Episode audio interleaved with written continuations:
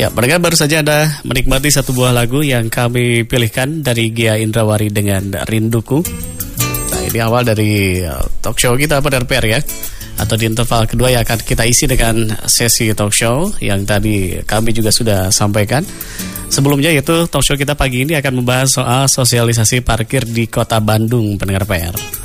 Alhamdulillah di studio PR FM juga sudah hadir beberapa narasumber yang nanti akan saya akan ajak ngobrol, akan saya ajak berbincang begitu selama kurang lebih satu jam ke depan. Dan saya akan perkenalkan terlebih dahulu pendengar narasumber yang sudah hadir pagi hari ini di studio PRFM ada Wakasat Lantas Polrestabes Bandung, Kompol Bayu Catur Prabowo. Assalamualaikum, selamat pagi Pak Bayu. Assalamualaikum warahmatullahi wabarakatuh, selamat pagi. Baik, ini didampingi juga oleh uh, Aibtu Jaja, Kasubdit Dikyasa Polrestabes Bandung. Assalamualaikum, selamat pagi Pak Jaja. Selamat pagi, Waalaikumsalam. Baik, ini juga orang-orang yang selalu kita sering telepon ya di PRFM untuk banyak berikan informasi mengenai uh, kondisi lalin di Kota Bandung. Juga ada tentunya yang sudah tidak asing ini ke uh, Kabit Pengaturan Transportasi Bidang PDKT di Subkota Bandung. Uh, ini Pak Asep Kuswara sudah hadir di PRFM. Assalamualaikum, selamat pagi Pak Asep. Waalaikumsalam Kang Heri. Baik. Selamat pagi. Baik, didampingi juga oleh Kasih Pengaturan Transportasi bidang PDKT juga ini ya dari di Kota Bandung Pak Heru Rija. Selamat pagi, Assalamualaikum Pak Heru. Waalaikumsalam warahmatullahi wabarakatuh. Pak Rija juga hatur nuhun, Pak Asep, Pak Bayu dan juga Pak Jaja sudah hadir di PRFM. Uh, saya ke Pak Wakasat Lantas dulu nih Pak. Di Kota Bandung ini uh, saya jadi penasaran apakah soal parkir ini menjadi satu-satunya masalah yang katakanlah masih masih cukup uh, apa ya uh, belum terselesaikan begitu hingga saat ini? Baik, terima kasih. Uh, sebelum saya berlanjut, sebetulnya saya mempunyai latar belakang. Kenapa kita perlu melakukan penertiban terhadap parkir-parkir liar ini? Seperti kita ketahui bersama bahwa keamanan, keselamatan, ketertiban dan kelancaran lalu lintas itu kan ini merupakan dambaan hmm. dari setiap warga, khususnya yang tinggal di kota Bandung. Betul. Karena kita ketahui sendiri bahwa kota Bandung ini adalah kota tujuan wisata, hmm. baik wisata kuliner, wisata yeah. alam ataupun wisata sejarah, hmm. bisa juga wisata untuk fashion, yeah. gitu. Nah, namun uh, situasi ini semakin banyaknya uh, pendatang yang datang ke Bandung, hmm. ini kan tidak diimbangi juga dengan yeah. pertumbuhan jalan. Hmm. Jadi jalan itu sampai sekarang tidak bertambah panjang maupun hmm. bertambah lebar karena hmm. kondisi kota Bandung yang memang sudah sudah dari dulu seperti ini, hmm. belum ada perubahan sama sekali. Yeah, yeah. Nah, uh, situasi ini memaksa kita pemerintah baik itu Polri maupun pemerintah daerah untuk memaksimalkan jalan-jalan yang ada di Kota Bandung. Mm-hmm. Nah, kita ketahui bersama bahwa sekarang beberapa rambu sudah dipasang di sepanjang jalan. Mm-hmm. Yeah. Ya, sudah dipasang. Namun masyarakat masih belum sadar mm-hmm. tentang aturan-aturan tersebut. Masyarakat yeah, yeah. masih masih berpikir untuk kepentingannya sendiri. Kalau saya mau datang ke rumah sakit, saya parkirnya harus di depan rumah sakit. Mm. Saya mau uh, ke tempat makan, saya parkirnya harus di depan rumah makannya. Iya, iya. Mereka tidak memikirkan uh, pengguna jalan yang lain, mm. gitu. Nah, untuk itu uh, kita dari pemerintah, sekali lagi dari kepolisian dan pemerintah daerah dalam ini dinas perhubungan, kita berupaya untuk melakukan penindakan-penindakan terhadap pelanggaran-pelanggaran baik ya. parkir maupun juga eh, pelanggaran terhadap rambu-rambu ataupun marka jalan. Ya. Nah, ini kita lakukan semata-mata kita ingin memberikan kenyamanan untuk masyarakat pengguna jalan khususnya di Kota Bandung. Terlebih ya. lagi eh, kita memberikan kesan yang baik kepada pendatang dari luar kota yang menghabiskan waktunya khususnya di waktu-waktu weekend di kota Bandung. Ya. Nah itu uh, tujuan dari kita latar belakangnya. Nah ini ma masih menjadi PR buat kita mm -hmm. karena kalau masyarakat itu belum sadar ya, ya selamanya masalah lalu lintas di kota Bandung ini akan sulit untuk uhum. terselesaikan, uhum. khususnya untuk parkir. Baik, kuncinya kesadaran ya Pak Wakasat Lantas ya? Ya sebetulnya kita mengharapkan kesadaran dari masyarakat, uhum. karena tanpa adanya kesadaran untuk tertib, ya. akan sulit untuk kita apa tuh eh, kita melihat kota Bandung itu bisa tertib nyaman. Oke, baik. Ah, saya lanjut ke Kepala Bidang Pengendalian dan Ketertiban Transportasi atau PDKT di Subkota Bandung, Pak Asep Kesuara. Pak Asep, ini yang ah, tiap hari ini keliling-keliling, Pak Asep. Jadi parkir itu memang masih eh, sama ya menjadi sorotan juga hingga saat ini, Pak Asep ya. Betul Kang Heri. Jadi apa yang dikatakan tadi Pak Waka itu sama dengan kesadaran masyarakat harus ada kepedulian Iya. terhadap parkir itu. Karena dari pemerintah Kota Bandung khususnya Dinas Perhubungan itu telah memasang rambu-rambu dan marka Iya. mana yang boleh parkir dan mana yang tidak boleh parkir. Sementara ini menjamur parkir-parkir liar. Oke. Salah satunya adalah di depan Tegalega. Itu salah satu contoh. Oke. Dengan dibukanya Taman Tegalega itu berterbangan parkir-parkir liar. Oh. Padahal di situ udah jelas-jelas ada rambu es coret kan. Coret betul. Jangankan untuk ber, apa parkir berhenti pun nggak boleh kan di sana. Betul. Tapi ya apa boleh buat. Kami tetap tertibkan dan berkolaborasi dengan dari kepolisian. Alhamdulillah dari tanggal 9 Oktober kami berkolaborasi untuk penertiban parkir-parkir liar Ya. dengan operasi cabut pentil. Itu salah satunya. Oke. Jadi dalam hal ini kami dari awal 9 Oktober sampai sekarang itu ada sekitar 7.817 Ya. berbagai pelanggaran ada yang ditilang, ada yang cabut pentil. Iya, iya. Itu dari 9 Oktober itu sudah 7.000 lebih ya. 7.817 Oke. pelanggaran. Tapi yang aneh juga kenapa gitu? Itu parkir-parkirnya menjamur di mana-mana. Padahal udah jelas ada rambu tidak boleh parkir. Baik. Tapi selalu dan selalu parkir-parkir berterbangan di mana-mana. Itu jadi pola kerja kami dengan jajaran kepolisian agar menertibkan Kota Bandung Baik. yang nyaman, aman dan tertib Betul, itu, Kang Heri. Baik, itu angka 7.800-an itu masih menunjukkan memang cukup tinggi ya Pak Asep ya? cukup tinggi gitu. kira ya kalau menurut saya harusnya tiap hari itu turun. Turun. tapi ini ada yang naik ada yang turun ada yang tetap gitu Oke. jadi yang paling pokok adalah kesaga- kesadaran warga masyarakat yang memerlukan parkir walaupun di situ Iya. ada jukir-jukir liar ya kan perbedaannya kalau jukir liar itu dia membuat parkir sembarangan di tempat-tempat yang terlarang Oke. kan gitu Betul, betul. kalau jukir yang resmi itu ya otomatis ada markanya, ada rambunya, Hmm. Betul, betul, betul. ada mesin parkirnya, kan itu parkir-parkir yang legal. Jelas tandanya padahal Pak Asep. Jelas. Kalau yang legal itu ya, yang ilegal itu di mana aja. Yang penting dapat uang setelah Iya. kita beresin, tukang parkir jukir liarnya kabur semua kan gitu. yang jadi korban siapa? Pemerintah dan warga masyarakat. Betul. Jadi kalau tadi Pak Waka sebutkan kan eh, apa ya maksudnya kesadaran begitu kan masyarakat Betul. ya. Tapi kadang-kadang begitu eh, kita juga suka dia ditarik-tarik nih sama tukang parkir tanda petik liar ya Pak Asep ya. Iya. Ayo Kang Didi Kang Didi Kang parkirnya begitu. Iya.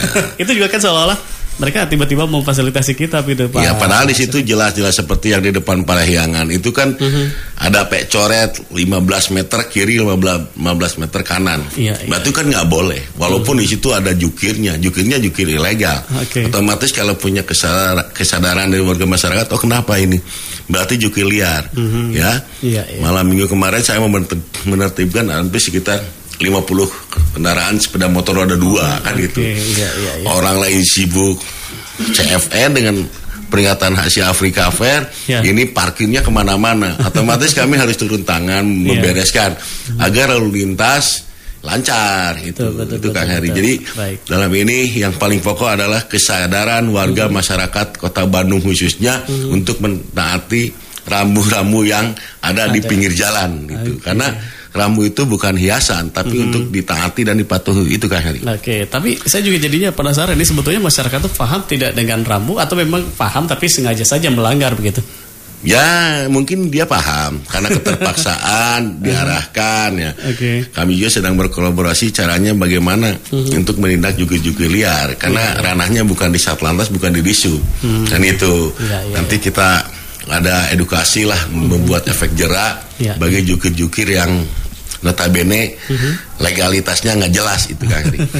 Oke, baik. Ah, di samping juga ke masyarakat dong Pak Asep ya artinya sosialisasi lagi juga uh, tentang tadi rambu dan lain sebagainya gitu. Ya, kalau sosialisasi kami serahkan ke Fair FM gitu untuk memberikan ya, untuk sosialisasi bagaimana okay. di dalam surat edaran kan gitu betul, parkir betul. misalnya 25 meter setelah afil nggak nggak afil nggak boleh mm, iya, terus iya, di iya. 6 meter setelah zebra cross nggak boleh mm. di jembatan nggak boleh iya, iya. di hidran nggak boleh itu udah okay. sudah jelas betul. tapi karena keterpaksaan mungkin dan diarahkan yeah mereka terpaksa ya. Mari kita semua ada kesadaran lah mm-hmm. untuk mematuhi rambu-rambu yang telah ada di pinggir-pinggir jalan itu. Oke, kan. jangan tergoda lah kalaupun diarahkan begitu oleh para petugas yang di sana sebetulnya belum tentu uh, resmi karena Betul. jelas ada rambu ya, Pak ya. Asep. Pak Jaja juga yang uh, paling sering kita telepon untuk mengabarkan kondisi lalin Pak Jaja. Iya. Jadi kalau titik-titik tertentu yang terjadi padat itu Pak, apakah memang parkir salah satunya parkir liar juga Pak? Betul, seperti itu. Jadi mm-hmm. parkir liar yang sementara ini menjadi kendala selain parkir-parkir yang mm -hmm. selain eh, kendala-kendala uh, yang lain yang mm -hmm. memungkinkan bisa merintangi atau menghalangi lajunya arus kendaraan. Oke, okay, jadi parkir juga sama di lapangan masih eh, iya. terlihat ya Pak ya. Iya. Baik, pada Pak Rizal dan rekan-rekan juga ya Pak ya soal penataan transportasi juga kan sudah sudah cukup uh, sampai saat ini sudah cukup atau masih ada PR lagi tidak sebetulnya Pak Rizal? Baik, terima kasih Pak sebelumnya. Jadi memang kenapa masyarakat parkir liar hmm. itu kita lihat eh, kapasitas parkir yang tersedia di Kota Bandung hmm. itu sangat terbatas. Okay. Baik on street maupun off street. Hmm. Eh, kemudian masyarakat juga cenderung menggunakan kendaraan pribadi. Hmm. Nah, sehingga mau tidak mau mereka akan mencari celah ketika hmm. lahan parkir resmi penuh tapi mereka membutuh untuk uh, aktivitas di daerah tersebut, mm-hmm. mereka akan mencari alternatif. Yeah. Dan ketika ditawarkan, ya mereka mengambilnya. Makanya yang kita harapkan sebenarnya masyarakat itu jangan memaksakan diri untuk mm-hmm. menggunakan kendaraan pribadi seandainya memang kondisi kota Bandung sudah seperti ini. Bisa yeah. dengan cara yang lain, bisa naik angkutan umum mm-hmm. atau bisa berbagi kami juga sedang mempersiapkan untuk uh, rencana ke depan. Yeah. Iya. uh, apakah uh, kita coba undang investor uh, untuk membangun gedung parkir, mm-hmm. tetapi konsekuensinya memang tarif parkir itu harus uh, bisa menutupin operasional mereka jangan sampai rugi. Yeah, iya. Sekarang kan orang kenapa parkir on street itu karena lebih murah. Mm-hmm. Kenapa juga mesin parkir kita tidak laku karena mungkin salah satunya mereka masyarakat pingin yang praktis gitu, mm -hmm, tidak yeah, mau yeah. yang itu. Jadi kita akan coba benahin nanti spot-spot parkir kita tata lagi, mm -hmm, di mana yang e, masyarakat memang banyak membutuhkan ke sana. Kita yeah. akan coba undang juga investor ke depan. Mm -hmm. Tapi untuk penertiban terus kita lakukan, karena ini kan kita nggak punya pilihan. Mm -hmm. Dengan segala keterbatasan, penertiban kita galakan. Tapi di sisi lain, manajemen parkirnya akan kita tata ke depan. Yeah, yeah. Termasuk juga nanti kita berharap juga ini yang seperti di Jalan Merdeka yeah. kalau antar jemput anak ke sekolah, mm -hmm. apakah nanti kita bisa ajak cari spot parkir terdekat kayak balai kota mm -hmm. atau mungkin alun-alun alun-alun saja di depan mata kita sendiri kan sampai sekarang juga belum clear karena memang masyarakat tidak mau turun ke bawah gitu padahal hmm. kalau malam itu sebenarnya di di basement kosong tapi maunya di depan oh, iya. halte aja okay. tapi nanti secara bertahap akan kita giring lah hmm. kita berharap juga semua harus turut serta membantu untuk Betul. Bandung lebih tertib. Betul. Kalau mengandalkan petugas saja, kami juga punya keterbatasan waktu, tenaga dan lain sebagainya. Demikian kan. Baik.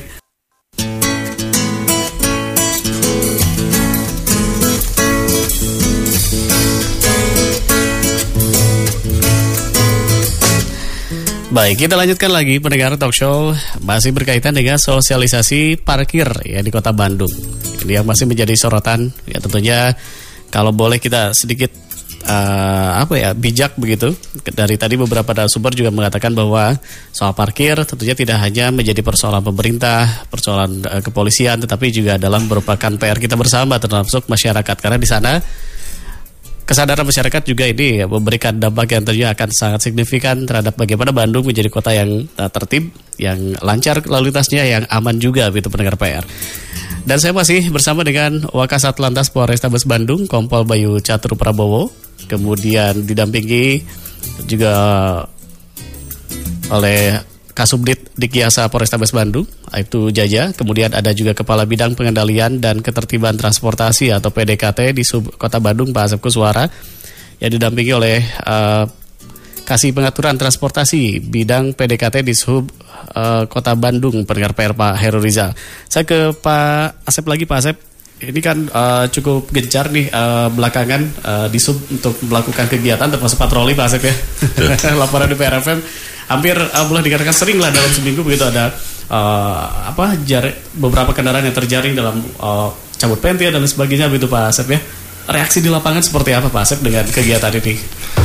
Jadi alhamdulillah untuk reaksi di lapangan mungkin karena mereka juga merasa bersalah. Iya. Pada prinsipnya ada yang ya sedikit ngomel, ada yang dia menyadari itu hal biasa lah. Iya, iya, iya. Kalau di dunia ini ada suka ada tidak suka hal biasa gitu. ya. Jadi kami di bidang PDKT itu ada dua agenda pekerjaan. Tiap hari itu ada unit reaksi cepat dan unit gakum. Oke. Jadi dua-duanya berkolaborasi dengan jajaran kepolisian atau Satlantas Polrestabes Iya. untuk membuat efek jerah operasi cabut pentil. Jadi rutenya ada yang ke tengah, ada yang ke selatan. Kita bagi-bagilah. Oke. Jadi tiap hari itu selalu dari hari Senin sampai Jumat kami melakukan operasi cabut pentil. Kalau Sabtu Minggu menunggu informasi dari teman-teman media Oke. sosmed ataupun dari elektronik seperti PRFM.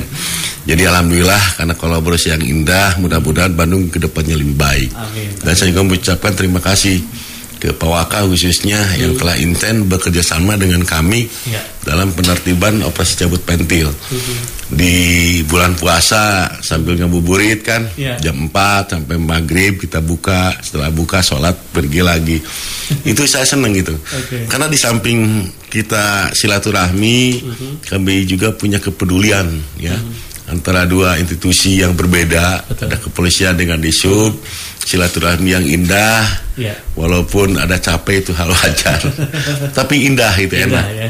Enak dalam penertiban memberikan edukasi kepada warga Iya. masyarakat, memberikan kesadaran. Jadi samping juga PRFM ya selalu memonitor, Iya. memberikan edukasi. Ya itu saya suka. Baik. Ya Baik, dan bangga itu. Ya kita kolaborasi ini jangan sampai terputus. Mhm. Kita sampai ya istilahnya Pak Waka kalau pensiun atau pindah ya di, di- diarahkan lagi sama yang selanjutnya gitu. Kan Pak Waka tidak mungkin di Bandung terus. Ya mungkin job AKBP jadi Kapolres aduh kan Amin. gitu. Amin, amin, amin, punya kenang-kenangan. Bisa kol- kolaborasi dengan saya suatu saat juga saya pensiun kan. Pak Waka suatu saat jadi Kapolri kan beda. Oke. kan manusia hanya hanya hanya merencanakan itu. Jadi kolaborasi yang indah ini jangan terputus sampai di sini. Kita lanjutkan agar sinergitas dan Bandung lebih baik ke depannya. Baik, ini saya sebelum ke Pak Waka ada interaksi dulu ini dari Pak Agung ya di line telepon PRFM yang akan juga melaporkan di parkir di seputaran Jalan Soekarno-Hatta. Selamat pagi menjelang siang Pak Agung. pagi menjelang siang Heri. Ini saya menyoroti masalah parkir ya Pak ya. Iya, betul. Nah, sekarang saya tuh setiap hari lewat di depan Mapolda Jabar ya Pak ya. Mhm. Mohon maaf ini sebelumnya. Iya. Mungkin oknum ya semua sudah tahu bahwa di situ Mhm. ada dilarang parkir. Tapi kenapa yang lebih tahu di- melanggar Pak? Mhm. Mungkin ke Pak Waka atau Pak Disub. Mhm. Mohon penjelasannya Pak. Baik. Karena di jalur lambat itu mengganggu untuk roda dua. Mhm. Mhm. Sehingga roda dua banyak yang melambung ke jalur tengah, Pak. Gitu. Baik. Nah, mohon penjelasannya Mhm. seperti apa sih sebenarnya? Karena yang lebih harusnya lebih tahu. Mhm. Mungkin para apa aparat ya. Mhm. Oke. Jangan dilanggar, memberi Baik. contoh yang baik kepada masyarakat gitu, Pak. Mohon, bangga bangga. Itu saja Pak Agung. Mapolda itu Pak, depan Mapolda Jabar. Siap. Setiap saya setiap hari saya lihat. Mhm. Ya, Pak ya. Baik. Mohon Oke. penjelasannya. Siap. Terima kasih Pak Heri. Sama-sama terima kasih juga Pak Agung. Waalaikumsalam warahmatullahi wabarakatuh. Mangga, boleh langsung ditanggapi mungkin Pak Waka, silakan. Agung, jadi kaitannya dengan parkir di depan Mapolda Jabar, Iya. perlu kami sampaikan juga bahwa kepolisian itu memberikan pelayanan, pelayanan kepada masyarakat, Iya. termasuk di Polda Jabar itu memberikan pelayanan juga kepada masyarakat. Nah, kendala kita kalau untuk anggota hampir seluruh anggota tuh seluruhnya masuk di Polda Jabar. Hmm, iya. karena ada ada apa? Ada sistem pemeriksaan sebelum masuk ke Mapolda, Mapolda. Khusus untuk eh, anggota Polda saja. Nah, sehingga untuk masyarakat yang memerlukan pelayanan kepolisian di Polda Jabar, sebetulnya sudah ada beberapa tempat parkir di sebelah di sebelah Polda ada lapangan kosong juga. Memang itu milik masyarakat, tapi sering digunakan juga oleh eh, parkir anggota. Nah, ada sebagian masyarakat yang memerlukan pelayanan dari kepolisian di Polda Jabar Iya. mereka mengambil eh, simpelnya Hmm. gitu simpelnya akhirnya menyimpan kendaraan di eh, jalur lambat Hmm. nah situasi ini juga sebetulnya eh, kita dari eh, Ditlantas Polda maupun Polrestabes juga eh, sudah mengingatkan Hmm. namun kembali bahwa orang yang datang untuk eh, meminta pelayanan kepada kepolisian di Polda ini kan Iya. orangnya berganti-ganti terus mas. Oke. setiap hari berganti. Jadi kita tetap akan kita sosialisasikan. Justru kita mengharapkan terima kasih nih informasi dari Pak Agung. Kita juga berterima kasih kepada media-media yang sekarang akhirnya tergerak untuk mengangkat. Ini eh, parkir ini ternyata menjadi PR yang sangat penting sekali untuk segera diselesaikan. Gitu Mas, mungkin itu tanggapan dari kami Mas. Kalaupun memang ada oknum, yang pasti kami tetap melakukan penindakan juga. Baik, Demikian. baik. Ini ada juga pertanyaan nih eh, yang tampaknya juga ini untuk eh, Pak Agung nih, eh, Pak eh, untuk Pak Waka ini dari 08579347 sekian, Pak. Apakah parkir sembarangan juga bisa kena tilang dan itu bagaimana hukumnya katanya begitu? Baik, eh, jadi ini kebetulan eh, pas juga ada pertanyaan demikian. Namun saya perlu memberikan informasi dulu kepada masyarakat Iya. terkait dengan definisi parkir dulu, Mas. Ah, Oke, betul betul. Betul, karena kalau kita parkir itu apa sih, berhenti itu apa? Karena ada satu perbedaan antara parkir dan berhenti, iya. gitu. Nah, definisi parkir menurut Undang-Undang Nomor 22 Tahun 2009 Pasal 118 dinyatakan bahwa parkir itu adalah keadaan kendaraan berhenti atau tidak bergerak untuk beberapa saat dan ditinggal pengemudinya. Oke. Gitu. Perbedaannya dengan berhenti, kalau berhenti itu tidak ditinggal oleh pengemudinya. Hmm. Nah, itu definisi dari parkir dan berhenti. Oke. Nah, ini sering dijadikan satu alasan karena sekarang kan lagi trennya adalah eh, apa tuh mobil online, Hmm. taksi online. Taksi online. Itu sering dijadikan satu alasan oleh mereka. Pak, saya tidak parkir, Saya stop. saya hanya berhenti. Jadi saya tidak melanggar rambu Hmm. larangan parkir.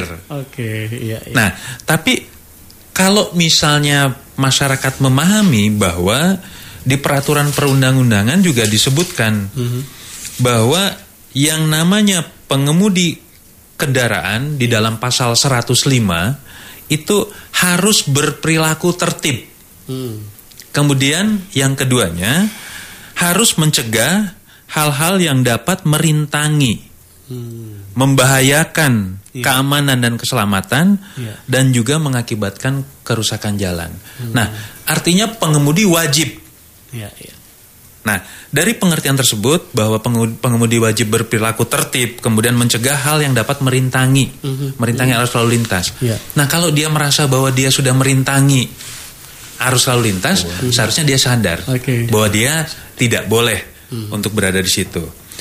Dan juga masyarakat mungkin belum paham antara rambu dan marka, Mas Hmm, iya, iya. gitu.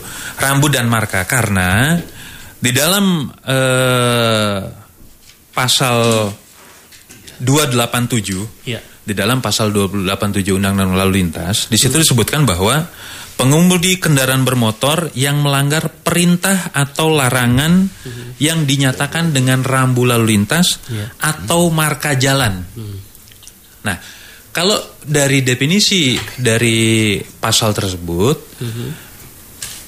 Memang betul si ojek online ataupun taksi online ini dia tidak melanggar rambu. Mhm, Dia tetap ada di dalam. Iya. Dia tidak melanggar rambu, Pak, karena saya tidak parkir, saya berhenti. Iya. Tetapi ada satu hal bahwa selama itu ada marka, Mhm. marka jalan yang garis utuh, Mhm. artinya itu juga larangan untuk berhenti. Oke. Karena di dalam di dalam pasal 118 Iya. ini harus paham dulu Mas. Betul, betul. Bagus. Karena masyarakat harus harus paham ini. Di dalam pasal 118 tentang ketentuan berhenti atau aturan berhenti. Di mana setiap kendaraan bermotor yang berhenti di setiap jalan bisa berhenti di setiap jalan, setiap kendaraan bermotor kecuali Nah, ini bahasa pasalnya begitu, Mas. Oke. Kecuali terdapat rambu larangan berhenti dan atau marka jalan yang bergaris utuh. Tidak terputus. Ya, marka jalan yang bergaris utuh. Jadi kalau kita melihat di samping jalan, Iya. itu ada marka jalan yang bergaris utuh. Artinya dia tetap tidak boleh berhenti. Karena di dalam pasal 118 ini dinyatakan bahwa setiap kendaraan bermotor dapat berhenti kecuali Iya, iya. Kecuali terdapat rambu sudah jelas tuh. Betul. Kalau dapat terdapat rambu berarti artinya dia tidak boleh berhenti. Rambu S dicoret berarti dia tidak boleh berhenti. Betul. Dan atau Marka. jadi kalaupun di situ tidak ada rambu dilarang berhenti, betul. selama itu ada marka yang tidak terputus, artinya dia tetap dilarang berhenti. Oke. Karena di aturan undang-undang ini ada. Kemudian juga ada juga eh, dilarang berhenti pada tempat yang membahayakan ketertiban dan kelancaran lalu lintas. Nah, sekarang kalau kita lihat di jalan RE Matardinata Iya. atau kita kenal jalan Riau kan gitu. Betul. Di situ jalan sudah cukup sempit. Kalau di situ digunakan untuk parkir, artinya kan di situ bisa mengganggu kelancaran lalu lintas. Merintangi tadi ya, Pak ya. Iya, merintangi. Artinya kita bisa melakukan penertiban. Jadi masyarakat harus paham, tidak tidak eh, aturan itu ki- tidak dipenggal-penggal Iya. hanya untuk sebatas kepentingan pribadi dia. Iya, betul, betul. Nah, karena kita sering mendapatkan bahwa pada saat kita, Pak, mohon maaf, Bapak di sini eh, melakukan pelanggaran, Pak, saya tidak tidak Hmm. Melanggar rambu. parkir, Mhm. saya berhenti, Pak, saya masih ada di dalam, mesin masih nyala, Iya. gitu. Saya baru sebentar. Mhm. Nah, ini alasan-alasan dari dari ber- eh, masyarakat. Iya, iya. Kemudian ada juga alasan-alasan pembenar, Pak, ini saya ke rumah sakit, Hmm. Pak, saya ke ya perkantoran, Iya. Pak, parkir di dalam penuh. Makanya tadi disampaikan bahwa sebetulnya konsep kita ke depan kita harapkan masyarakat sudah tidak lagi menggunakan kendaraan pribadi. Kalau tahu bahwa di situ tidak ada parkir, Iya, iya. di situ macet, harapannya masyarakat tidak menggunakan kendaraan pribadi untuk berangkat ke kantor ataupun ke sekolah, Iya, tetapi gunakan fasilitas-fasilitas umum yang ada di kota Bandung ini. Oke. Baik, baik. Jadi dari rumah tuh kita mau ke mana? Tujuannya apa? Harusnya kita sudah mulai bisa memetakan ya, Pak ya. Iya. Pakai kendaraan apa nih kita? Iya betul, karena karena kita ketahui sendiri bahwa Mhm. jalan di kota Bandung itu terbatas, Mhm. Kapasitas parkir terbatas, Betul. kemudian juga eh, masyarakat sekarang semakin banyak, gitu. Pertumbuhan kendaraan dari tahun ke tahun Iya. semakin bertambah. Kurang lebih hampir 90 ribu kendaraan bertambah setiap, Setiap tahun. tahunnya. Wah, luar biasa ya. Nah kalau bertambah setiap tahun artinya makin semakin padat. Betul. Belum lagi Bandung ini disinggahi oleh orang-orang yang datang dari kabupaten untuk kerja di Oh, iya. kota Bandung. Artinya kan semakin padat. Jadi mungkin kalau kalau misal pagi sampai siang jumlah eh, warga kota Bandung itu menjadi 5 juta, mungkin kalau malam hari ya menurun kembali menjadi 2 juta. Mungkin seperti itu kalau kita ini kan. Betul, betul, gitu. Karena adanya eh, pendatang-pendatang yang ma- masuk kota Bandung, dia bekerja, kemudian selesai bekerja dia pulang kembali dan itu. Gitu. Baik, itu tadi eh, saya rasa cukup lengkap, cukup jelas juga apa yang disampaikan oleh Pak Waka tadi mengenai eh, definisi dari eh, parkir, berhenti dan lain sebagainya Pak Waka ya termasuk juga tadi undang-undangnya juga di sana eh, su- sudah di- dijelaskan gitu ya Pak ya. Iya, betul. Inilah edukasi yang sebenarnya untuk masyarakat. Dari di sub juga kan tidak uh, kurang ya di sana Pak Asep. Ada perda juga, ada Iya. kemudian akhirnya ada cabut pentil juga kan waktu itu kita bahas sebelum ada perdanya Pak Asep. Betul, betul. Tapi akhirnya sampai juga dengan ada perdanya. Iya. Nah ini uh, selain cabut pentil apalagi Pak Asep sanksi yang mungkin akan ditegaskan begitu nanti dalam penindakan. Jadi ke depannya mungkin di akhir-akhir bulan Juli Mhm. Ada derek gitu ya. Nah, oke. Ada penderekan. Jadi kami juga menambahkan apa yang dikatakan Pak Waka. Di sini juga ada 10 area parkir yang dilarang gitu ya. Hmm. Ini salah satunya adalah di tikungan bahu bukit atau sebuah jembatan. Itu nggak boleh kan. Iya, itu iya. 10 ya. Terus di tempat pejalan kaki atau trek sepeda itu nggak Hmm. boleh. Jadi kalau ada trek itu bukan untuk parkir tapi untuk sepeda ya. Terus dekat lampu lalu lintas atau penyeberang jalan kaki Hmm. di jalan utama atau di jalan dengan lalu lintas yang melaju cepat. Oke. Kayak seperti di Jalan Soekarno Hatta kan Iya. itu harus parkir areanya harus nggak ada nggak ada parkir kan itu Oke. karena kecepatan. Begitu juga berhadapan atau dekat dengan kendaraan Mhm. berhenti lainnya di seberang jalan sehingga mempersempit ruang jalan. Iya, Itu iya, iya, iya. dalam 6 meter atau 20 kaki dari suatu persimpangan atau dalam 9 meter Mhm. 30 kaki dari suatu pemberhentian bus kecuali jika keadaan rusak lalu di, lalu jangan berhenti atau parkir. Mhm. Nah, itu salah satunya. Jadi apa yang katakan Pak Waka itu sesuai dengan undang-undang. Ya kami hanya menambahkan agar supaya warga masyarakat itu tidak Mhm. parkir seenaknya. Apa yang katakan Pak Waka walaupun tidak ada misalnya pek coret, tapi karena markanya itu tidak putus, Iya. berarti tidak boleh parkir Betul, kan betul, itu. betul, Jadi betul. nanti kita buat edukasi ya Pak Waka biar warga masyarakat Iya, tahu betul. lah.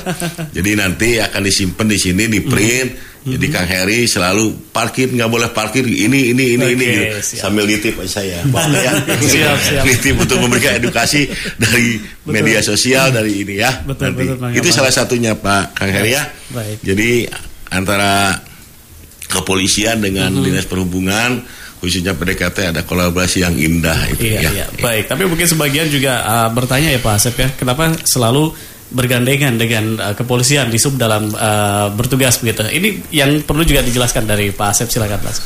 Karena kami bergandengan itu bukan dalam arti apa-apa tapi untuk sinergitas Oke. karena di situ ada lalu lintasnya ada jalan kami di Undang-Undang du- 22 2009 Iya. itu ada kolaborasi dengan kepolisian dan itu Iya, iya. selain dengan jajaran PM gitu kan Iya, iya, ya iya, Denpom atau Pomdam atau Kejari Kejati sama Baik. karena kami selalu tiap hari ada sesuai dengan kepal dari Pak Wali Kota tanggal 9 Oktober di sini ada kepalnya ada hmm, kepolisian, Kejari, Kejati, Pomdam itu ada di kepalnya itu. Baik, ini dengan masing-masing tugas yang pastinya akan sedikit berbeda juga Iya, Pak, iya kewenangannya ya. Pak Iya, Asep ya. Kewenangannya berbeda. Kami hanya operasi cabut pentil berdasarkan kepal. Mhm. Ya, gitu. Kita ada dua. Di dalam OCP itu kan satunya ada SOP. Kalau misalnya tidak ada pemiliknya, otomatis kita operasi cabut pentil. Mhm. Iya, iya. Kalau ada pemiliknya, urusannya kepolisian untuk ditilang Ah, gitu. Mhm, Jadi biar biar ada efek jerah gitu. Tidak ditilang tapi ganti ban kan gitu. Ngesang dulu kan gitu. Dulu ya. Iya, ada tidak dicabut pentil, tilang itu. Ya, tilangnya tilang PL ya. Parkir liar dimaksimalkan. Itu Oke. kayak Jadi ini kenapa saya tanya karena mungkin ada sebagian di luar sana yang berpikir ah mah di sub tidak akan hilang. Padahal ada Ada. kepal. Iya.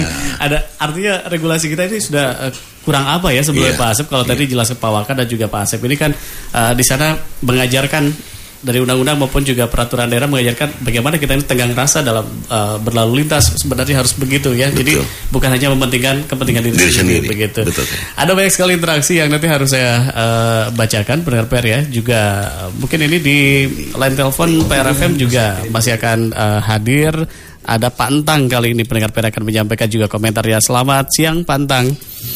Selamat siang, Assalamualaikum Kak. Waalaikumsalam warahmatullahi wabarakatuh. Mangga Pak Entang. Ini Pak kaitan dengan kendaraan yang apa tidak misalnya tidak boleh parkir gitu ya Pak. Eh, di di bahu jalan. Pertama, ini juga harusnya introspeksi ke eh, pemerintahan Kota Bandung yang mengeluarkan izin Mhm. perihal-perihal tempat-tempat pembelanjaan yang tidak menyediakan tempat parkir. Hmm. Kan banyak tuh Alfamart, Indomaret atau yang lainnya itu kadang nggak punya tempat parkir. Mhm, mhm. Adanya di pinggir jalan. Contoh misalnya tuh Alfamart Pajajaran. Apa itu jalur cepat tuh nggak ada tempat parkir. Mhm. Kemudian eh, supermarket apa eh, mall-mall yang mendekati perempatan. Mhm. Jadi terkadang pengguna jalan pun parkir di situ karena satu kondisi keterpaksaan Anda parkir di pinggir jalan tuh nggak enak, Hmm. nggak aman Iya. kan pada saat Nah, orang contoh mau makan di warung makan Maune itu di Pajajaran Hmm. itu kadang pe- pejabat juga parkir di situ mau masuk gang gimana jadi kembali kepada perizinan kan menurut saya dalam Hmm. mendirikan unit-unit usaha dari pemerintah itu sendiri Mhm, mhm. kan ke- kebayangin kalau tiap ada kendaraan digembok mau berapa ribu Hmm. kita ngegembok tiap hari kan gitu kan Iya, iya. jadi itu sebenarnya yang yang jadi persoalan Mhm, jadi mhm. aturan oke tapi terkadang masyarakat pun dipaksa untuk untuk melakukan Melanggar. sesuatu seolah-olah katanya itu pelanggaran Hmm. tapi karena kondisinya tidak memungkinkan ada Baik. Istana Plaza di perawatan Pasir Kaliki, ada Jogja perawatan Hmm, Pasir Koja, hmm. itu bagaimana? Siap. Terima kasih, Assalamualaikum. juga Waalaikumsalam warahmatullahi wabarakatuh Baik, nanti boleh ditanggapi oleh para narasumber Tapi kita harus jeda dulu sejenak Pendengar jangan ke mana-mana Tetap bersama PRFM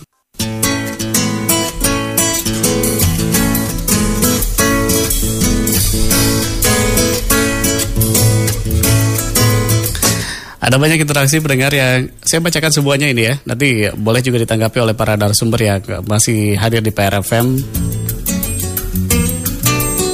Ini dari uh, via IG ya atau Instagram PRFM dari Kang Nurdin. Punten pami perkawis parkir di Rumah Sakit Sartika Asih nungangge bahu jalan dugi ka jalan pami telepat. Eta kumaha katanya begitu ya. Ada juga Kang Joko mengenai parkir terkait penggunaan kendaraan pribadi. Sebetulnya saya dan mungkin sebagian besar masyarakat ingin sekali ada transportasi umum yang memadai. Bayangkan saya tinggal di Manglayang. Kalau ke Bandung naik angkutan umum bisa ganti ojek plus angkot beberapa trayek begitu ya. Kemudian ada Kang Renhar, Anda bertanya kalau tarif parkir sepeda motor dan roda 4 di pinggir jalan berapa ya Bapak-bapak? Ada Kang Anwar, "Eh, betul Pak, ya parkir liar itu harus ditindak tegas sama tukang parkir yang abal-abal juga tolong ditindak. Kemudian Kang Deden, apresiasi untuk Pak Polisi dan Disub. Kalau bisa langsung saja semua cabut pentilnya Pak, jangan diberi ampun. Ada Kang Teddy, kalau dijagain sama petugas pasti takut parkir sembarangan. Salam untuk semua narasumber katanya begitu ya. Ini bangga ada yang mau ditanggapi mungkin dari Pak Waka dulu, boleh nanti Pak Asep juga silakan. Baik, terima kasih Mas. Jadi eh, saya ingin menambahkan juga tadi kenapa sih kita polisi dengan dinas perhubungan itu selalu bersama-sama, Ya. Mas? Karena pada prinsipnya sebetulnya kepolisian dengan dasar undang-undang yang ada, Iya. kita bisa melakukan penindakan Mhm, gitu dengan cara kita tilang Hmm. gitu. Namun kendala kita di lapangan banyak masyarakat yang sudah terlanjur eh, memberhentikan kendaraannya di jalan tersebut. Kita cari-cari tidak pernah ketemu Hmm. karena merasa bahwa ah, saya kan eh, kalau polisi menilang berarti harus ada orangnya Oh ya, ya. karena eh, SOP-nya seperti itu. Oke. Tidak bisa kita menulis tilang, terus tilangnya ditinggal di mobil. Mungkin kalau di luar negeri kita lihat di beberapa film mungkin seperti itu. Iya, iya. Tulis aja tilangnya, tilangnya simpen aja di kaca itu dijepit sama wipernya. Wiper, betul. Gitu. Tapi di Indonesia tidak bisa, SOP-nya tidak bisa seperti itu. oke. Pada saat ditilang, mereka harus tanda tangan Oh, gitu. Iya, iya. Nah, dengan kondisi ini kita berterima sekali, eh, berterima kasih sekali bahwa pemerintah Kota Bandung mencoba memfasilitasi kesulitan-kesulitan kita dengan cara apa? Dengan cara mengeluarkan peraturan wali kota. Nah, peraturan wali kota ini apa? Ini untuk mendukung bahwa undang-undang yang sudah ada tentang penertiban apa pelanggaran parkir Iya. ini didukung oleh peraturan wali kota agar masyarakat yang parkir sembarangan itu mau datang. Hmm. Kenapa kita kolaborasi kan itu pertanyaannya? iya, iya. Agar masyarakat mau datang. Karena kalau masyarakat tidak datang, konsekuensi lainnya adalah kendaraan nanti bisa digembok. Mhm. Kalau digembok berarti nanti eh, masyarakat harus mencari orang di sub, Iya. kemudian datang ke polisi untuk menerima tilangnya. Oke. Gitu. Iya, nah, iya. kalau masyarakat langsung ada artinya kita tetap akan melakukan penilangan. Mhm. Jadi penggembokan, cabut pentil, kemudian derek itu adalah upaya akhir. Oke. Apabila kita tidak menemukan masyarakat Oh, eh, pemilik kendaraannya. Mhm. Nah, itu kenapa kita seperti itu. Kemudian kaitannya dengan eh, beberapa tempat yang tadi saya sampaikan bahwa rumah sakit, Mhm. kemudian pengguna eh, apa? Pengguna kendaraan yang sampai parkir di bau-bau jalan. Iya. Sebetulnya ini yang yang kita harapkan dari masyarakat itu adalah kesadaran, Mhm. kesadaran bahwa saya ini kendaraannya menghalangi atau tidak. Mhm. Karena lambat laun tetap kita akan melakukan penertiban, gitu. Iya, iya. Cuma kita mencoba mengedepankan bagaimana masyarakat memiliki kesadaran yang sangat tinggi akan pentingnya tertib di kota Bandung. Iya. gitu mas. Karena kalau kalau harus dengan penindakan ya saya pikir kasihan. Karena bicara tentang fasilitas parkir. Nah kita bicara tentang fasilitas parkir bahwa di dalam undang-undang bahwa fasilitas parkir di dalam ruang milik jalan itu hanya dapat dilaksanakan di tempat-tempat tertentu pada jalan baik itu jalan kabupaten, desa maupun kota yang itu harus dinyatakan dengan rambu dan marka jalan. Makanya kalau kalau dilihat masyarakat Bandung mengerti tentang aturan ini, pada saat jalan itu ada kotak-kotak, Hmm. itu berarti ke- jalan itu bisa digunakan untuk parkir. Oke. Kan seperti itu. Betul. Tadi di awal saya sudah jelaskan bahwa tidak ada tidak ada apa? Tidak ada rambunya pun dilarang parkir atau dilarang berhenti selama itu ada marka jalan artinya itu tidak boleh Oke. berhenti. Nah, sekarang kalau untuk ruang parkirnya seperti apa, Pak? Yang pertama di situ ada tandanya parkir. Yang kedua di situ sudah ada marka yang Kotak. kotak-kotak yang itu digunakan untuk parkir. Iya. Yang ketiga ada mesin parkirnya. Nah, selama itu tidak ada, kembali kita menuntut kesadaran masyarakat. Apakah mereka ya sekarang kalau kalau tidak naik angkutan umum karena fasilitas juga pemerintah belum bisa menyediakan secara khusus. Kalau di Jakarta sekarang sudah ada busway ada, karena monorail ada, apa ada. Gitu. Nah di di Bandung ini masih terbatas nih angkutan umum yang ada. Tapi kan sekarang bisa Gojek ada, kemudian Grab ada. Sekarang tinggal kemauan masyarakat mau atau tidak, gitu. Kalau mencari alasan pembenaran banyak, gitu. Tapi sekarang kalau masyarakat sudah sudah sadar, dia sudah merencanakan, oh hari ini saya mau jalan ke mana, Iya. saya mau naik apa, biar cepat di sana bisa parkir atau tidak, masyarakat sendiri yang yang harus mengatur. Iya. Atau saya mau jalan ke suatu tempat, saya parkir terdekat itu adalah di mall A, misalnya. Dia berhenti di mall A, parkir, dia ke situnya jalan atau naik ojek, kan itu tergantung kemauan saja. Betul, betul. Gitu. Nah ini eh, tanggapan yang tadi beberapa eh, interaktif yang masuk. Baik, ini Pak Asep, saya masih ingat dengan penelpon tadi Pak, Pak Asep. Salah satunya ingin agar eh, tempat-tempat umum seperti rumah makan dan sebagainya juga dalam proses perizinan katanya begitu. Ini mungkin eh, bisa ditanggapi juga dari Pak Asep. Dari sisi perizinan, eh, baiknya juga eh, dipastikan bahwa mereka menyediakan lahan parkir mungkin begitu kurang lebih Pak Asep ya. Betul Kang Heri. Jadi di awal mungkin hanya spekulasi ya. Saya Iya. mau dagang ini, laku enggak. Setelah rasanya enak, terus laku, Iya. parkirnya tidak ada, terpaksa ter- terpaksa di bahu jalan. Nah, jadi dalam hal ini kami akan berkoordinasi dengan yang pemberi izin ya. Iya, iya. Kami hanya bagian penertiban berkolaborasi dengan Satlantas Polrestabes. Iya. Jadi untuk ke depannya mungkin akan dikaji kembali untuk parkirnya ada nggak kan Oke, gitu. Jadi iya. kebanyakan bagi yang kuliner-kuliner yang sudah laku itu hanya spekulasi dulu Awalnya. Awalnya. Oke. Nah setelah laku, nah saya menghimbau agar supaya dia memperluas untuk lahan parkirnya agar tidak parkir di bahu jalan atau di tempat-tempat terlarang itu Iya, iya, Kang iya. Ya. Mudah-mudahan nanti ke depannya bisa ke arah ke sana ya. Hmm, Amin, amin. Terus yang keduanya mengenai di Sartika. Sartika Iya. itu ada di kepalanya. Apa yang dikatakan tadi karena orangnya apalagi pelayanan, ya pelayanan kesehatan tiap hari, Iya. orangnya bergantian. Di situ ada kepalnya untuk parkir di sertifikasi karena di situ juga ada markanya Iya. jadi kalau misalnya meruber ya mungkin kami akan tertibkan sesuai dengan pembinaan kepada jukir-jukirnya agar supaya tidak meluber ke Ke jalan ya. arah yang tidak di- diperbolehkan. Ya begitu juga salah satunya adalah mengenai bayar parkir kan ada zonanya, zona penyangga, zona pusat kan Iya, gitu. iya. Di situ ada misalnya untuk roda 4 3000 jam pertama kan gitu. Ya di sini juga ada ada 3000 jam pertama dan tiga- 2000 jam kedua itu. Jadi ada di dalam kapalnya untuk parkir-parkir. Oke. Kalau misalnya untuk jadi 5000 atau 20000 itu jelas-jelas parkirnya parkir liar kan gitu. Jadi kalau parkir misalnya kita jelas Yang resmi ya. yang resmi pakai dulu baru bayar. Jangan bayar dulu langsung kabur kan gitu. kalau kami dengan kepolisian datang penertiban Iya. jukir liarnya kabur kan yang rugi kan pemerintah dan Masyarakat. masyarakat Betul, betul. padahal parkir juga cuma 3000 kan jam pertama untuk sepeda Motor ya. eh, apa untuk roda empat kan gitu jadi tolonglah ada kesadaran dari warga masyarakat sendiri Oke. mungkin nanti akan di share yang boleh parkir itu di mana yang tidak boleh di mana itu Kak Heri Oke siap. Ini eh, Bandung memang kota yang eh, kota eh, besar begitu ya, tetapi juga sudah cukup padat dengan pertumbuhan kendaraan yang tadi Pak Waka di awal sampaikan juga Pak Asep ya.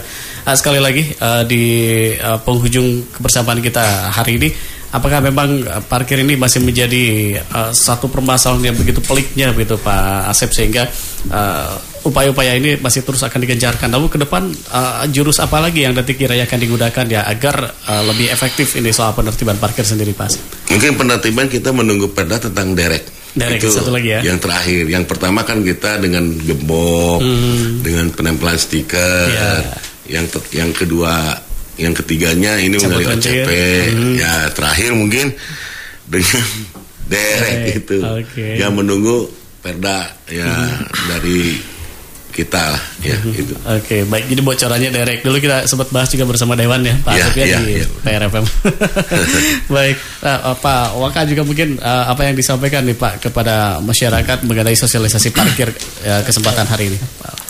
Baik, eh, jadi kembali saya ingatkan kepada masyarakat bahwa ketertiban lalu lintas di kota Bandung ini perlu keterlibatan dari semua pihak. Iya. perlu kepedulian dari semua pihak. Artinya tadi pemilik rumah makan, pemilik rumah sakit tetap menyampaikan kepada pengunjungnya, "Eh, Pak jangan parkir di sana. Karena kalau kita yang melakukan penertiban ujungnya tilang. Hmm. Tapi mencegah itu lebih baik. Kan seperti itu. Nah, yang bisa mencegah siapa? Polisi patroli kalau ketemu pasti langsung tilang. Karena walaupun masyarakat menyampaikan, "Pak, ini kan harusnya disosialisasikan dulu." Hmm. Nah, saya sering menjelaskan bahwa setelah undang-undang dikeluarkan tahun 2009, Ya. satu tahun setelah itu masyarakat wajib tahu, Hmm. gitu. Iya, iya, iya. Jadi tidak ada lagi alasan bahwa Sosialisasi. sosialisasi, Oke. gitu. Nah itu eh, kunci pertama, mas.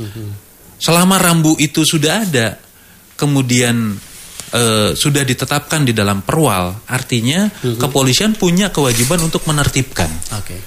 Kan seperti itu, Mas. Iya, iya, iya. Nah, yang perlu masyarakat ketahui juga bahwa denda tilang, denda tilang kaitannya dengan parkir liar ini dari keputusan pengadilan yang sudah ada, Iya. itu jumlahnya cukup lumayan, Mas. Hmm.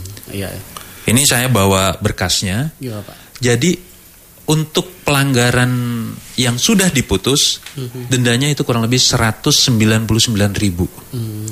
Silakan berpikir ulang. Iya. Kalau masyarakat masih mau parkir sembarangan, silakan para pemilik atau yang berusaha di ojek online, Grab, Gojek, silakan berpikir dua kali kalau mau parkir sembarangan.